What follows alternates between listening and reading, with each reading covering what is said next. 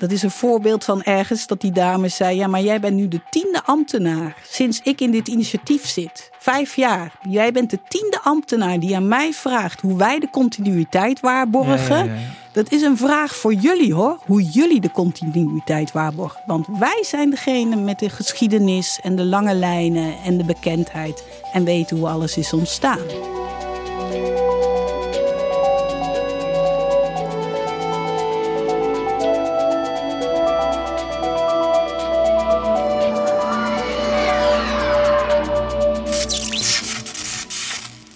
Welkom en fijn dat je luistert naar Participator, de podcast over participatie in de energietransitie. Mijn naam is Bas Westerweel en samen met Maya van der Steenhoven ga ik op zoek naar slimme oplossingen en goede voorbeelden van participatie. In deze aflevering gaan we het hebben over de mens in participatie. Mensen die gaan participeren maken contact, gaan samenwerken, verzinnen oplossingen, worden van elkaar afhankelijk en raken soms in conflict. Er valt heel veel te vertellen over de mens in participatie.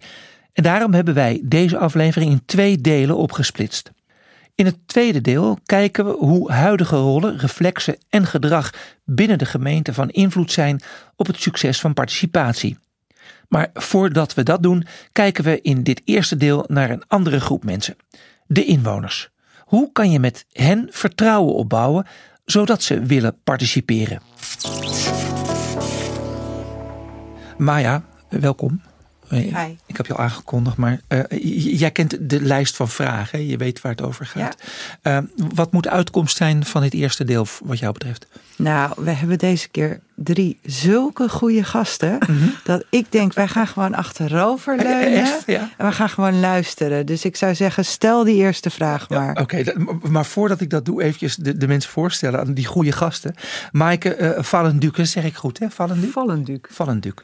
Uh, communicatie- en participatiestratege voor gemeente Amsterdam.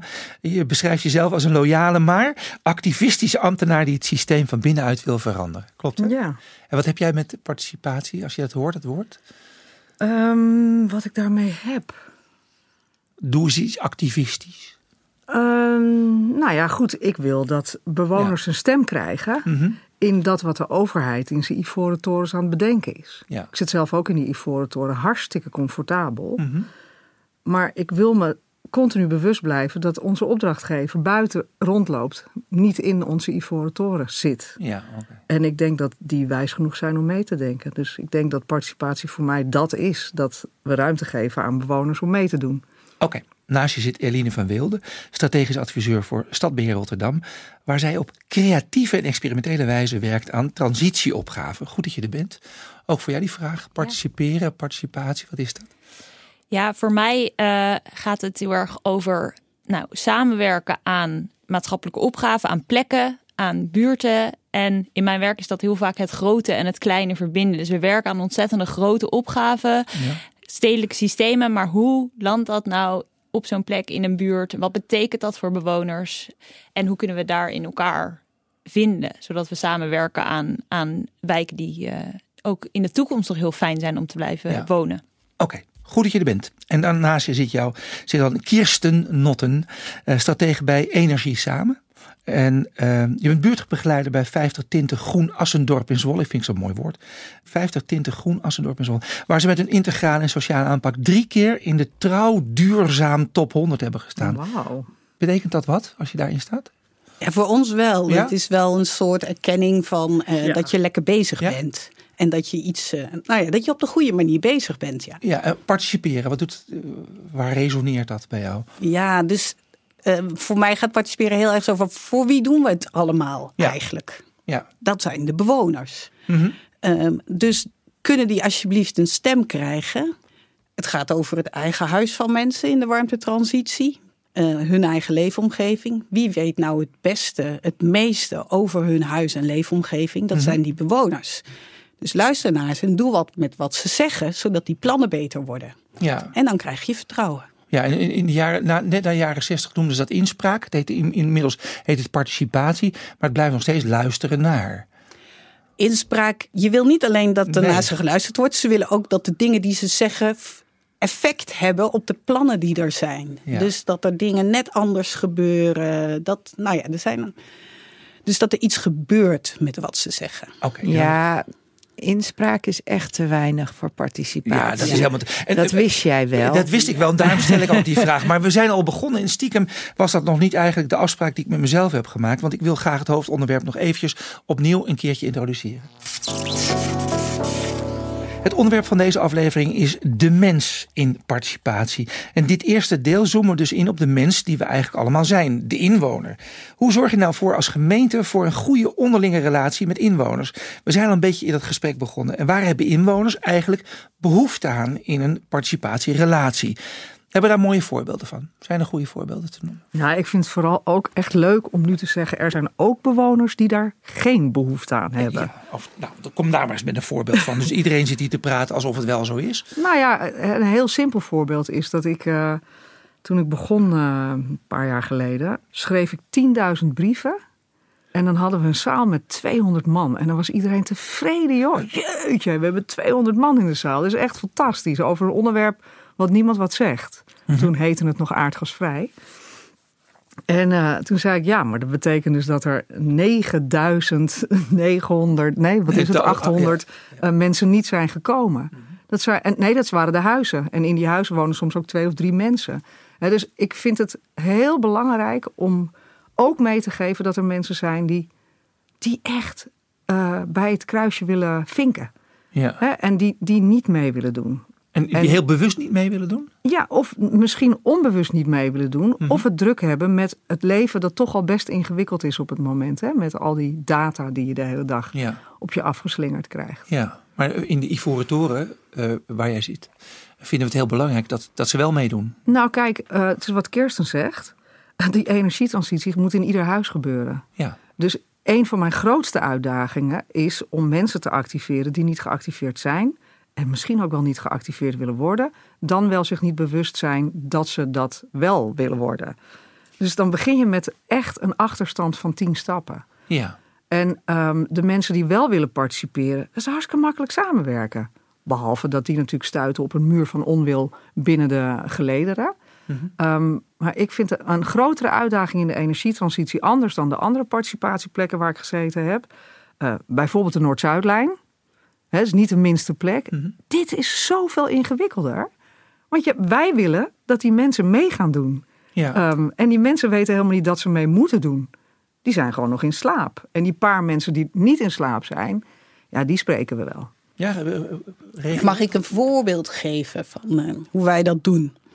Hè, want je hebt niet alleen de praters, je hebt ook de doeners. Ja. Dus je weet dat. Dus we zijn super praktisch in Assendorp. En één voorbeeld wat we hebben gedaan is... eh, we hebben een wedstrijd gehouden voor het slechtst geïsoleerde huis van Assendorp. Het zijn oude huizen, 1900, 1930. Dus alle huizen zijn slecht geïsoleerd. Maar we dachten, we willen energiearmoede aankaarten... zonder energiearmoede aan te kaarten. Om het bespreekbaar te maken. En we willen mensen bewust maken van, eh, ja, er is echt een heleboel werk aan de winkel in deze wijk. Maar alles wat je doet is winst. Hè? Dus ook, eh, alles is goed. En we hebben dus die wedstrijd uitgeroepen. En je kon op twee manieren meedoen. De ene was een, eh, het home dossier invullen. Dus echt de gegevens van je huis. Zodat we konden kijken of die isolatiewaarden inderdaad heel laag waren. En toen zijn we op bezoek gegaan bij mensen die dat ha- hadden ingevuld.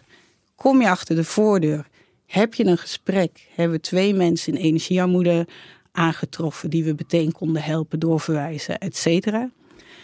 En het andere wat je kon doen was een foto opsturen, waarmee je verbeeldt hoe slecht geïsoleerd jouw huis was. Dat was hilarisch. Dan kregen we foto's van mensen die in schaatspak in de huiskamer stonden en van hun dressoir een koek- en zopietent hadden gemaakt. Of twee kleine meisjes in de kruipruimte die daar zaten met muts en sjaal en een bevroren adem.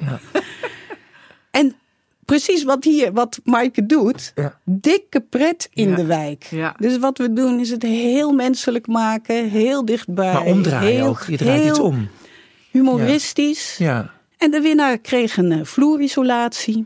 Ja. Dus het was ook echt iets. En dan zijn er nog tien mensen. En wie betaalde die vloerisolatie? Niet flauw zijn, maar... Ja, nee, dus wij hadden een subsidie van de gemeente waarmee wij die vloerisolatie konden betalen. Maar die andere mensen die betaalden dan zelf met die subsidieregelingen die veel te weinig zijn. Dus dat alleen de rijkere mensen daarvan kunnen profiteren. Oké, Ja. probleem van de subsidies. Maar wel actie. Want Ja. elke vloerisolatie in die oude huizen is gewoon Oké, en wat, waar leidt dit dan toe? Dit is leuk, dit is fijn, hij heeft iets gedaan, foto's worden geplaatst. En, en, en wat moet je nou met die Ja, dus- informatie?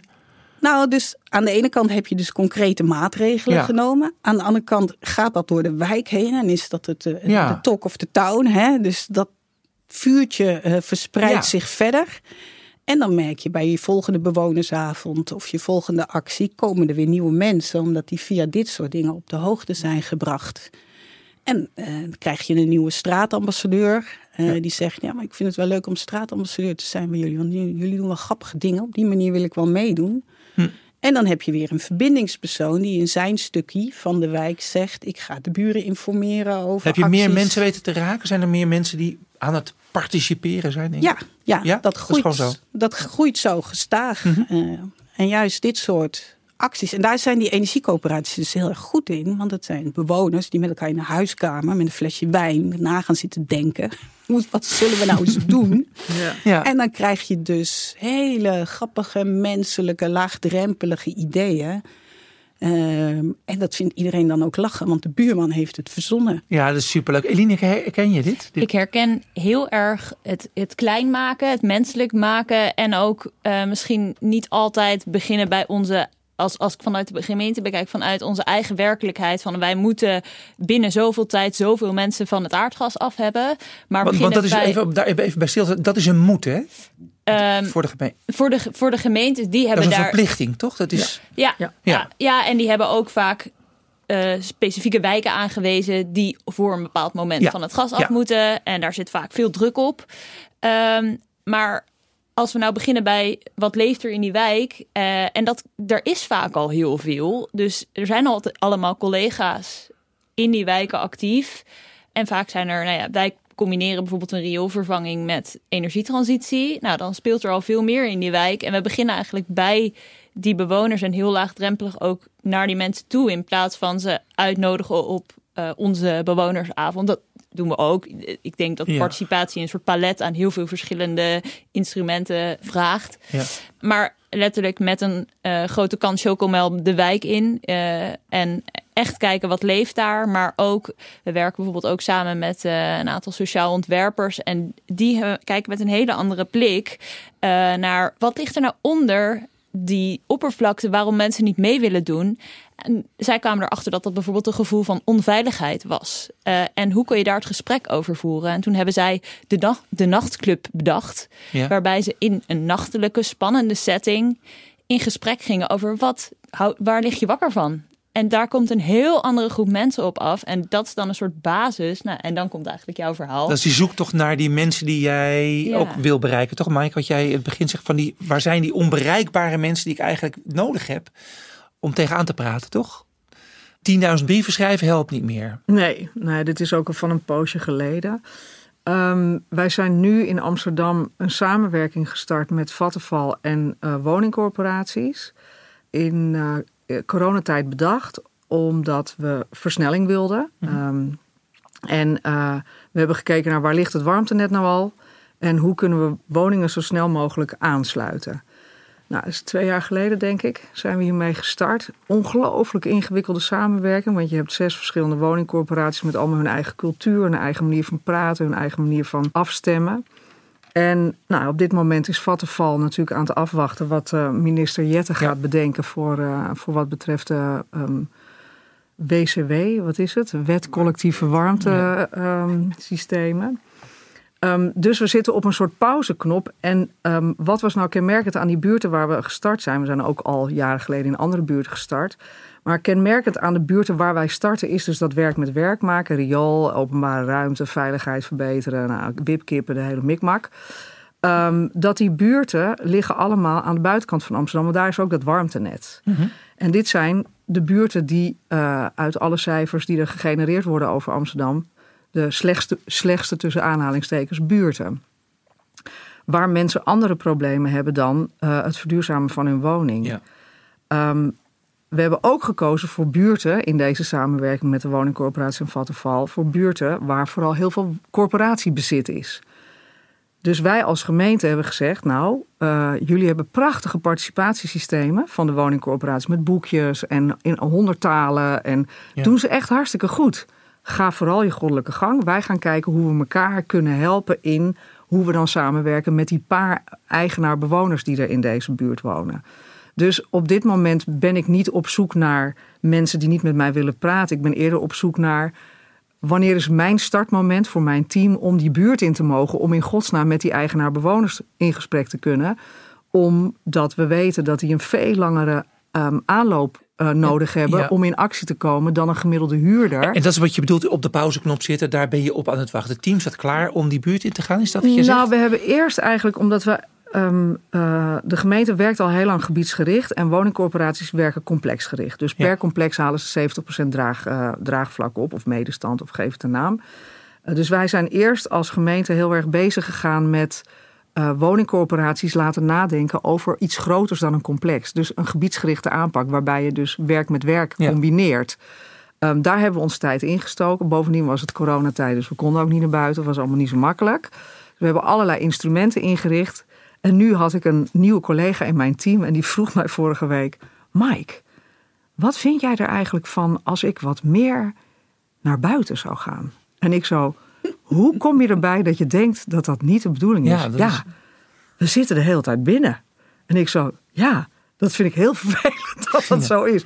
Maar om even aan te geven dat wij dus enorm bezig zijn geweest met bedenken, bedenken, bedenken. Ja. Allemaal in die Toren. Ik denk dat we hele goede dingen bedacht hebben. We kunnen echt zo aan de slag. Ja.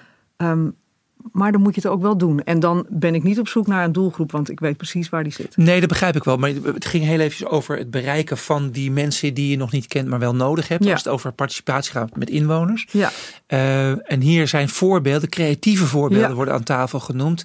Die leiden tot een soort contact waar je verder mee kunt Ja. gaan. nou ja, wat ik heel leuk vind aan jullie verhalen is dat het.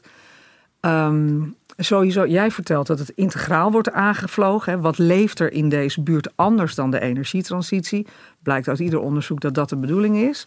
En jij geeft een voorbeeld van hoe niet-ambtenaren bedacht hebben hoe ze die. Ja, ik word daar heel blij van. Ik denk ook dat dat echt de manier is. En praat je nu tegen Eline of praat je tegen... Nou, de- tegen, eh, tegen beide. Oké, ja. ja. Ik Ja. denk ook wel eigenlijk dat mijn stokpaardje is altijd een beetje. We moeten vrienden worden met eh, iedereen in die wij- wijken, Ja. maar ook al die creatieven in de stad. eh, Ja. En daarvan leren. En het vooral niet als een soort van twee losse werelden zien dat wij een opdracht geven aan, maar dat we echt gaan samenwerken. Ja. Zodat wij ook leren om op die andere manieren te Ja. werken.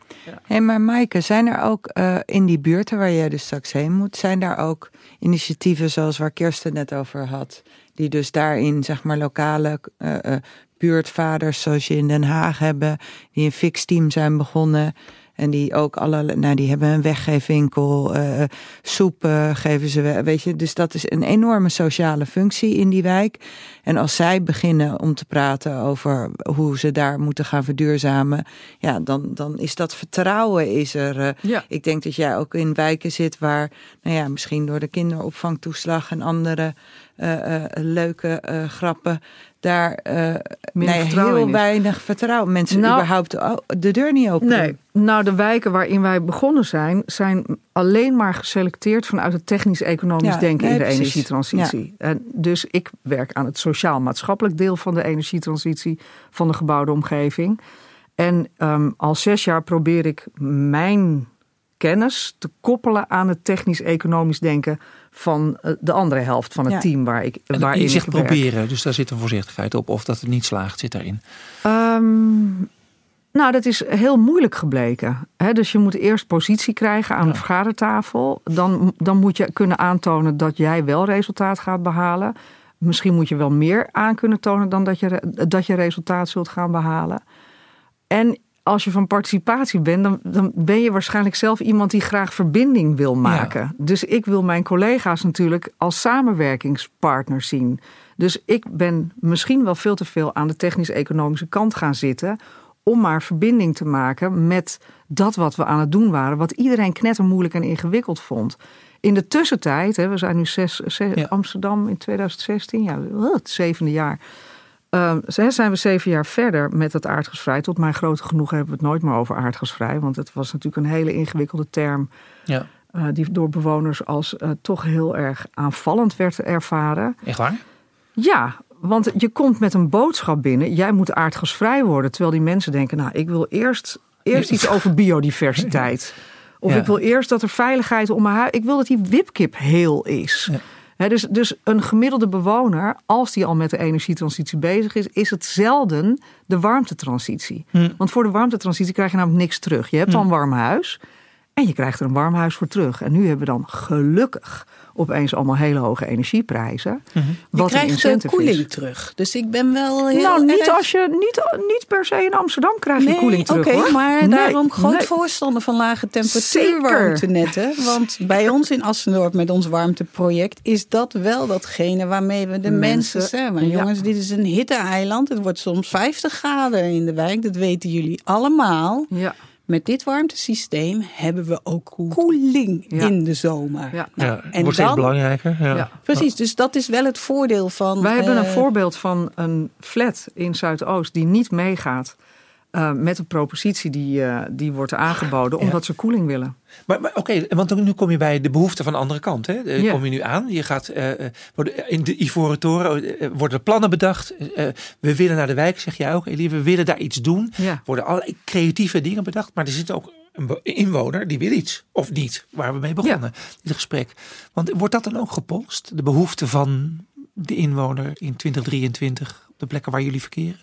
Nou ja, ehm, zo in de wijk waar ik werk proberen we daar echt te beginnen. Maar ik Wat zie bedoel nog je als je zegt dat. proberen dat te bereiken? Nou ja, wat ik nog tegelijkertijd ook zie is dat eh, onze gemeentelijke organisatie heel erg georganiseerd is op die eh, specifieke projectdoelen eh, of afdelingsdoelen. dus de een is van een energietransitie, de andere is van biodiversiteit en de andere is van het riool. En die gaan dan eigenlijk allemaal voor hun eigen doel die wijk in. Ja. Terwijl het begint eigenlijk gewoon bij die behoefte van de bewoner. En voor de bewoner is, zijn we gewoon één gemeente.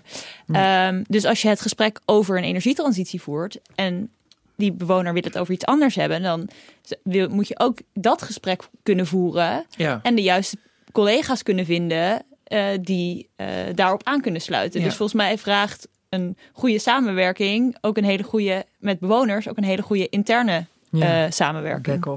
Oké, maar even bij die bewoner blijven. Wat Ja. vraag je eigenlijk aan een, aan een bewoner eh, eh, als het gaat over energietransitie? Hoe voer je zo'n gesprek eigenlijk? Weet je, hoe doe je dat? Nou ja, zelf eh, voer ik eigenlijk dus omdat ik werk vanuit stadsbeheer. Wij zijn verantwoordelijk voor het beheer en onderhoud van de openbare ruimte. En ik begin dus niet vanuit een specifieke energietransitie. Ik begin vaak van hoe, hoe is het om hier te leven in de wijk? Eh, wat zijn je dromen? Eh, waar lig je wakker van? Dat soort vragen om erachter te komen. Nou, wat, wat weegt deze bewoner? En als je een haakje ziet naar de energietransitie, dan kan je daar. Oké, dat begrijp ik. Maar Ja. eh, wat, maak het dus heel, heel feitelijk. Je stelt die vraag en dan krijg je een antwoord op. Wat voor antwoorden worden gegeven? Nou ja, het begint heel vaak met hele kleine dingen waar mensen zich aan ergeren als hondenpoep of dat soort, eh, Ja, dat ja. soort zaken. Ehm, en vaak, ja, dat Begin is met dus ergernis. Vaak met ergenissen. Ja, hier Eh, ben ik van de gemeente. ja, ik kom met zeker, je praten. Ik wil, ben benieuwd naar hoe Ehm, het met je gaat. Ja, Ergernis, poep. bijvoorbeeld. Ja, Ehm, maar dan is het vaak doorvragen. Nou, een mooi voorbeeld is eh, dat eh, ik een keer een bewoner had die zei van... Ja, ja we, willen, we willen een zwembad. zwembad, nou waarom dan? Een paar keer waarom dan? Uiteindelijk kwamen we erachter dat die bewoner heel veel behoefte had aan gewoon ontmoeting. En een plek om te recreëren en om medebewoners te ontmoeten. Eh, en dat was eigenlijk iets wat in heel veel gesprekken die we gehoord hebben terug is gekomen. Eh, en eh, als je keek naar, de, naar, naar die wijk, dan begrepen we dat ook wel. Want er waren heel veel groene ruimtes. We dachten, ja, je kan gewoon daar toch lekker met elkaar je kunt toch elkaar ontmoeten. Ja. Maar het is ook heel anoniem. Dus toen hebben we een aantal mensen uitgenodigd om te gaan kijken, kan je nou een ontmoetingsplek creëren vanuit. En, en daar hebben we eigenlijk de methodiek van placemaking voor gebruikt. Dus je begint heel klein, bijvoorbeeld met een stoeltje in die, in die groene ruimte zetten. En samen gaan bouwen aan zo'n plek. Eh, en dat moet wel in, in de wijk waar, waar ik dan werk. Vraagt dat ook om actieve begeleiding. Om mensen eigenlijk te, activeren en zeg ik wel een beetje wakker te kussen. Maar inmiddels staat daar een buurtuin waar bewoners zelf een stichting hebben opgericht. uh, waarvanuit ze werken aan biodiversiteit in de wijk. Wat een, en waar wij het gesprek kunnen voeren over uiteindelijk bijvoorbeeld een energietransitie. En in dit geval, wat je nu doet, is eigenlijk je begint met een gesprek dat gaat verrassend over een zwembad. Het gaat uiteindelijk over ontmoeten, wordt er geconstateerd. Er wordt ontmoet en dan zijn we bezig opeens met energietransitie of verbinding of whatever. Ja. Eh, maar daar hebben, ja, ga je Er is nog iets anders wat zij in die tijd heeft gedaan en dat is vertrouwen bouwen. Ja. En ik denk dat dat echt wel heel belangrijk is. Want het idee dat je binnenkomt als gemeente bij iemand in zijn huis en zegt: Ja, we, we, hebben echt een hele goede propositie voor je. Ja, dan ga je hele huis gooien. Precies. Dat gaat niet, gaat niet gebeuren. Ja, ja. Dat je daarom gaan we jouw huis verbouwen. En het wordt echt niet duurder voor je. En dan gaat diegene op internet en die vindt alleen maar negatieve dingen. Dat, en die denkt vertrouwen. Ja, Dus ik denk dat het vertrouwen uh, tussen degene die met de boodschap komt. Het maakt eigenlijk niet zoveel uit of het nou isolatie is van het gas af. Of een windmolen in de buurt of whatever. Ja. Maar diegene die bij jou komt, daar moet je vertrouwen in hebben. En als dat iemand is die je voor het eerst ziet, dan denk je, ja, ik ga bij jou ook geen auto. En we sturen mensen die, die, waar je nog niet eens zelf een auto zou, van zou kopen, misschien wel. Maar misschien moeten we de gemeente dan, of die partijen die mee bezig zijn, ook wel leren hoe je vertrouwen moet geven. Dat is misschien wel een hele mooie les. Dat je mensen moet, les moet geven in vertrouwen geven. Dat zou best wel zomaar eens kunnen. Dat is misschien wel een heel vak apart, toch? Vertrouwen geven is uh, vertrouwen krijgen, inderdaad. Ja. En dan vind ik het dat hoe jij het omschrijft, hoe jullie dat in die wijk doen, vind ik ook echt een, en dan bedoel ik Kirsten, echt, ook echt een heel mooi voorbeeld. En daar zijn er meerdere van in Nederland, waar gewoon mensen heel erg actief zijn in hun eigen wijk met tuintjes, met van alles en nog wat. Uh, met heel veel wijken zijn de afgelopen maanden uh, aan de slag gegaan met het uh, kleine maatregelen uh, rondom energiebesparing. Dus de energiefixers, ja, energieklussers. Ja, ja. Dat zijn, soms waren dat teams vanuit een, uh, vanuit een gemeente, soms waren het grote commerciële bureaus. Maar soms waren het gewoon mensen uit de wijk die dat met elkaar gestart zijn. En die weten nu ook nog eens heel veel van die huizen. Ja, natuurlijk. Ja, dat dus als je die kracht, die zijn al bij een heleboel inwoners. Die ervaring, die kracht, die energie. Die hebben daar ja. uh, lampjes ingedraaid. Die hebben daar uh, stekkertjes vervangen. Die hebben de cv aan de cv mogen zitten. nou, en als die mensen nu binnenkomen en zeggen: joh, weet je, heb je lekker warm gehad? Is je, is je rekening naar beneden gegaan? Wij, wij en, en, zou je het oké okay vinden als wij met je, ja. voor jou met de gemeente gaan praten over hoe we hier in deze wijk de transitie gaan doen? En we nemen je erin mee. We vertellen je welke gesprekken we je hebben gehad. En die gaan het ook nog af en toe leuk maken. Ja, dan ben je. Dan goed. heb je echt een hele ja. andere energietransitie. Tot zover de wijze woorden van Maya. We gaan even door. Ja. Uh, want wil je meer weten hoe je tot een goede relatie komt met inwoners? Je hebt er een paar uh, mogen horen, een paar mooie voorbeelden. In onze beschrijving met de podcast vind je allerlei informatie hierover. En dan gaan we nu luisteren naar een mooi voorbeeld van een echte doener. Die hier al lang en breed mee bezig is. Zo doe je dat. Doeners. Mensen die met hun poten in de klei staan. Die starten waar anderen wachten en die denken in mogelijkheden. Vandaag gaan we langs bij Ivor Schrouwen in Dordrecht. Ivor is directeur bij het Vogelnest. Een initiatief dat zich inzet om de leefbaarheid in de vogelbuurt te verbeteren. Daarnaast is Ivor regisseur energiearmoede voor gemeente Dordrecht. We zijn in het stadspark van Dordrecht. Ik wil graag vertellen over de groene vogels. Dat is een project waarmee we de vogelbuurt hebben vergroend. Het was een pilot van uh, het ministerie van Infrastructuur en Waterstaat. En we voerden dat uit met uh, verschillende afdelingen van de gemeente, de woningbouw en natuurlijk de inwoners van de wijk. En wij waren eigenlijk de contactpersoon naar de inwoners van de wijk toe. De publieke ruimte in de wijk, dus de ruimte van de gemeente, is eigenlijk maar 20% die vergroend kan worden. En dat kan helemaal niet. Dat, dat hebben we net uitgevonden. En terwijl al die tuinen van die mensen, dat is misschien wel 80%. Dus hoe kunnen we dit aanpakken? Willen de mensen dat? Toen zijn we met een antropoloog alle huizen gaan aanbellen. Toen hebben we iets van 30, 40 procent van de mensen hebben we gesproken. En hebben we gevraagd van, hey, hoe beleef jij groen? Wat wil je wel doen, wat wil je niet doen? Nou, dat bleek eigenlijk uit dat 80 procent van de mensen groen heel erg uh, waardeert. Maar zich niet verantwoordelijk voelt voor groen wat niet op een eigen grond staat. Uh, ik denk dat het vertrouwen tussen de partijen onderling, dus als je het hebt over de gemeente en de woningbouw en ons als buurtwerk, komt doordat we heel veel samenwerkten. Dat we ook zoiets hadden van, we moeten hier iets mee. En Het vertrouwen naar de inwoner in de wijk komt denk ik heel erg vanuit dat wij daar al drie, vier jaar zitten. En dat we er altijd klaarstaan, dat we aanbellen. En als iemand zegt nee, daar heb ik geen zin in. Even goede vrienden, heb je iets anders waar je het wel over hebben? Ja, nee, kom maar langs. Uh, we, we, zijn er altijd. Dus dat je daar een hele rustige en uh, proactieve houding mee neemt, maar niemand dwingt.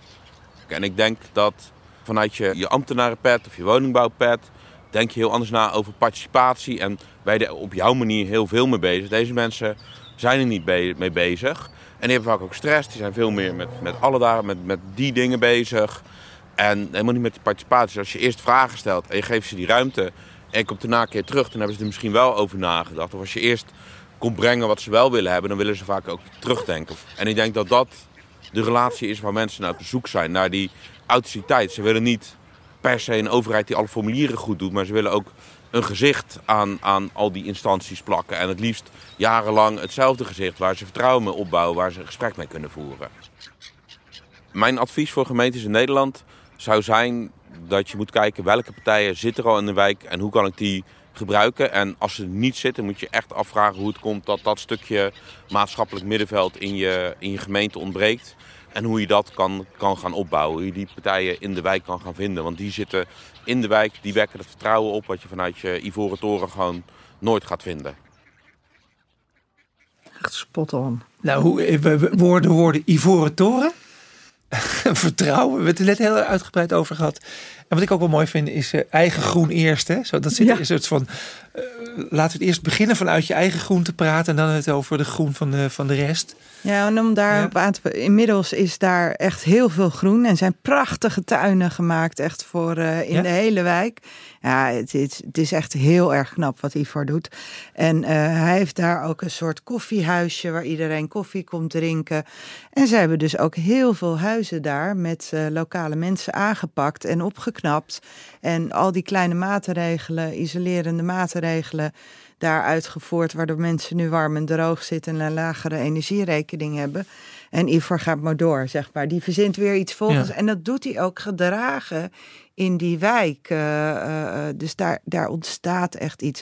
En net, ja, je moet eigenlijk zou het liefst duizenden Ivors hebben. Hmm. Maar we hebben ook duizenden Ivors. Ja, ik wou ja, net zeggen. Ja, ik wou net zeggen. Dus ik vind, het is een prachtig verhaal. Zo herkenbaar. En ik denk, gemeentes gaan samenwerken met die mensen. Dus wat hij ook zegt, hè, kijk in die buurten wat er allemaal al zit. Energiecoöperaties, groeninitiatieven, van alles en nog wat. Maar Kirsten, er, er wordt toch ook veel samengewerkt met dat soort mensen? Nou, wij merken in de ruimtetransitie dat uh, initiatieven beginnen en dan nul op het request krijgen bij de gemeente, omdat ze in hun planning in een andere wijk hebben besloten te gaan beginnen. Ah, ja, ja, ja, okay. Dus op papier is er een keuze gemaakt op technisch-financiële gronden over het algemeen van waar te beginnen. Ja. En ik zeg, het is een sociale transitie. Het gaat om dat vertrouwen van de mensen. Dus als er iets is in een wijk, is dat een hele belangrijke reden om daar te beginnen. Ja, dus je moet, ook, eh, je moet ook zien waar ze zijn en waar het begint. En niet ergens anders dan met je, met je economische uh, Kijk, wensen naar een andere wijk toe gaan. Je moet daar beginnen waar het gebeurt. Precies. En er kunnen redenen zijn hè, ja. om in bepaalde gebieden waar geen initiatief zit toch te beginnen. Dat kan. Maar als je maar in de gebieden waar mensen actief zijn, dat je dat actief ondersteunt en daar ook aan de slag gaat. In ja. plaats van dat, nee, jullie kunnen wel tien jaar wachten. Ja. Wat ik ook trouwens leuk vond aan zijn verhaal, is uh, dat hij zei van uh, ja, dat diezelfde gezichten terugkeren bij de mensen. Hè? Dus dat ze je leren kennen. En het grappige is dat wij als initiatieven van de gemeente dan de vraag krijgen: ja, maar jullie wisselen steeds en verhuizen en hebben jullie geen vaste gezichten? En, en dat dan. Uh, dat is een voorbeeld van ergens dat die dame zei: Ja, maar jij bent nu de tiende ambtenaar sinds ik in dit initiatief zit. Vijf jaar. Jij bent de tiende ambtenaar die aan mij vraagt hoe wij de continuïteit waarborgen. Ja, ja, ja, dat is een vraag voor jullie hoor, hoe jullie de continuïteit waarborgen. Want wij zijn degene met de geschiedenis en de lange lijnen en de bekendheid en weten hoe alles is ontstaan. Mm -hmm. Dus het is ontzettend belangrijk dat die vaste gezichten er zijn. En het zou fijn zijn als gemeentes en overheden gaan waarderen dat er dus heel veel van die initiatieven zijn die gewoon al tien jaar daar bezig hoe, zijn. Maak dat eens concreet, want hoe gaan we dat dan waarderen? Hoe moeten we dat dan waarderen vanuit de gemeentekant? Nou, uh, in ieder geval geeft die mensen erkenning dat ze zinvolle dingen doen. Zorg dat de financiering rond is die nodig is om het voor elkaar te krijgen.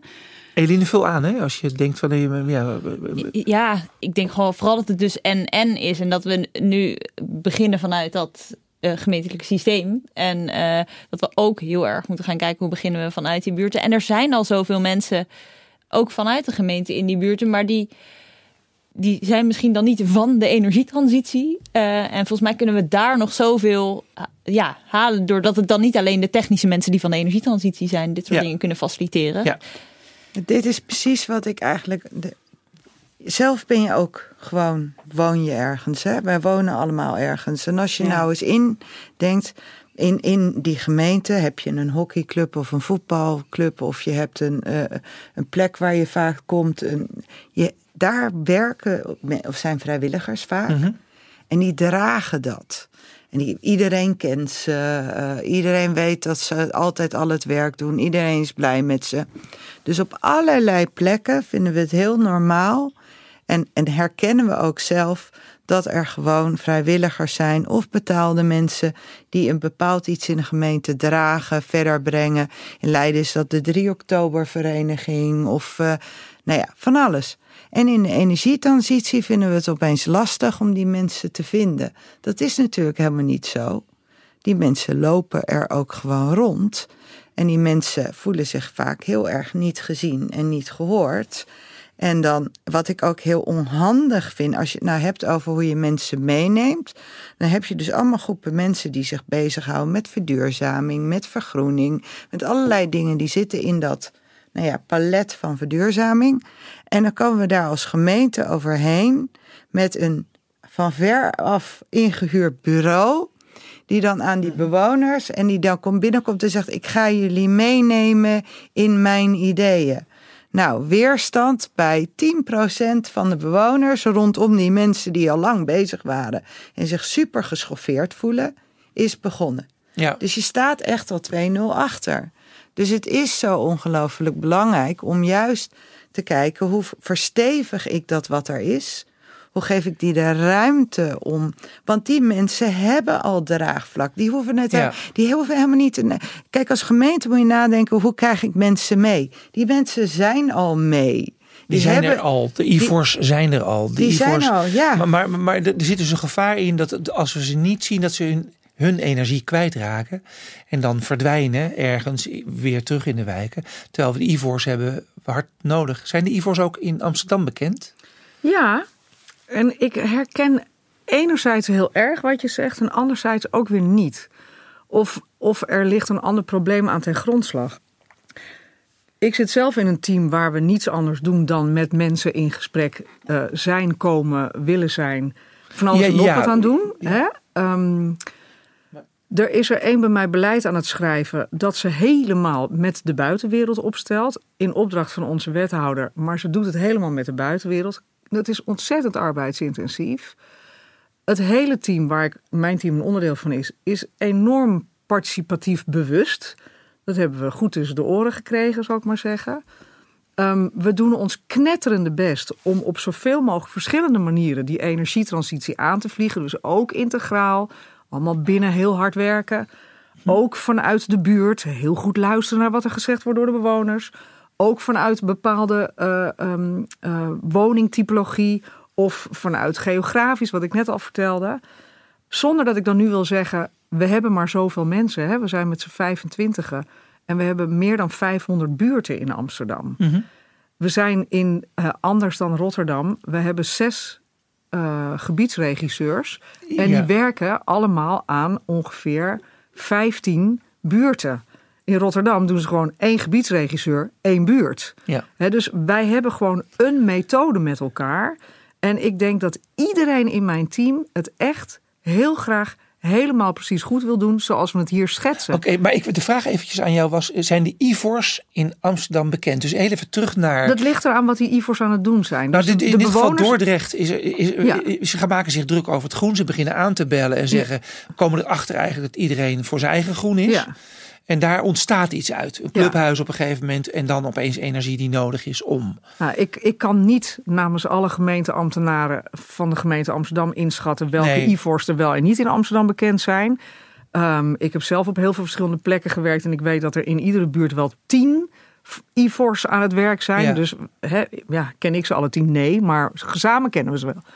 Ehm, waar het om gaat is, en dat vond ik heel leuk, wat Ivor heet hij. Ja. Uh, wat hij zei, um, dat, is veel grotere uitdaging.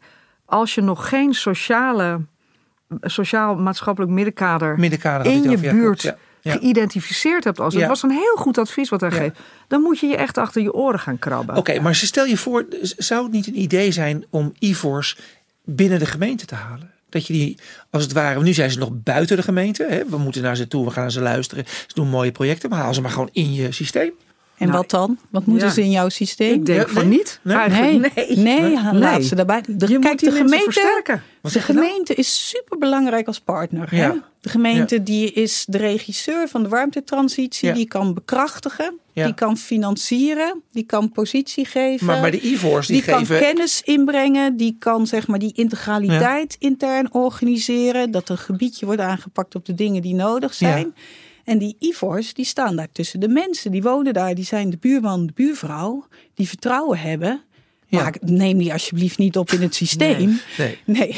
Maar ik denk wel dat we ze wat meer toegang kunnen geven. Maar, maar zit ze het, gewoon, dus, gaan ze betalen, gewoon op de loonlijst. Laat ze gewoon... eh, Nou. nou ja, ik weet niet of dat altijd zit in. eh, maar soms kan, als een barrière financiering is, dan moet je kijken hoe je dat, Ja, denk ik, precies. kan, Ja. kan Ja, precies. regelen. Ja. Ehm, maar wel ze echt serieus nemen als. Kijk, dit, dit is dan niet specifiek energietransitie, maar eh, in een, eh, de, de aanleg eigenlijk van een waterberging die eh, randvoorwaardelijk is voor een rioolvervanging en dus uiteindelijk die energietransitie, zijn we gaan werken met werkgroepen. van bewoners die eigenlijk samen het programma van, van eisen maakten. Kijk, dat Mm. zijn ook vormen. Het gaat, je moet volgens mij elke keer kijken welke vorm past bij deze situatie. Maar ja, het gaat, dat, ja, het wel ze echt positie geven. Dat is Ja. denk ik. eh, Daar gaat het om. precies. Dat is belangrijk. We begonnen eventjes met eh, de Ivoren Toren. We hebben nu de Ivoren Toren gemaakt. en eh, en volgens mij, wat jij zei, vond ik heel mooi. Het is misschien is ook gewoon wel een sociale transitie waar we hier over praten. Het gaat echt over mensen en elkaar blijven zien. En het vertrouwen. Dat- dat is volgens mij een belangrijk woord. Aan het eind van dit eerste deel wat we nu hebben behandeld. Wil je meer weten over de aanpak van het vogelnest in Dordrecht? In onze beschrijving bij de podcast staat een link naar hun website. En dit brengt ons weer bij het einde van het eerste deel. In het tweede deel eh, van De Mens in Participatie gaan we het hebben over gedrag binnen de gemeente. Nou, daar hebben we veel over te vertellen, denk ik. En hoe je als gemeente dit gedrag kan veranderen om participatie tot een succes te maken. Bedankt voor het luisteren en tot de volgende keer.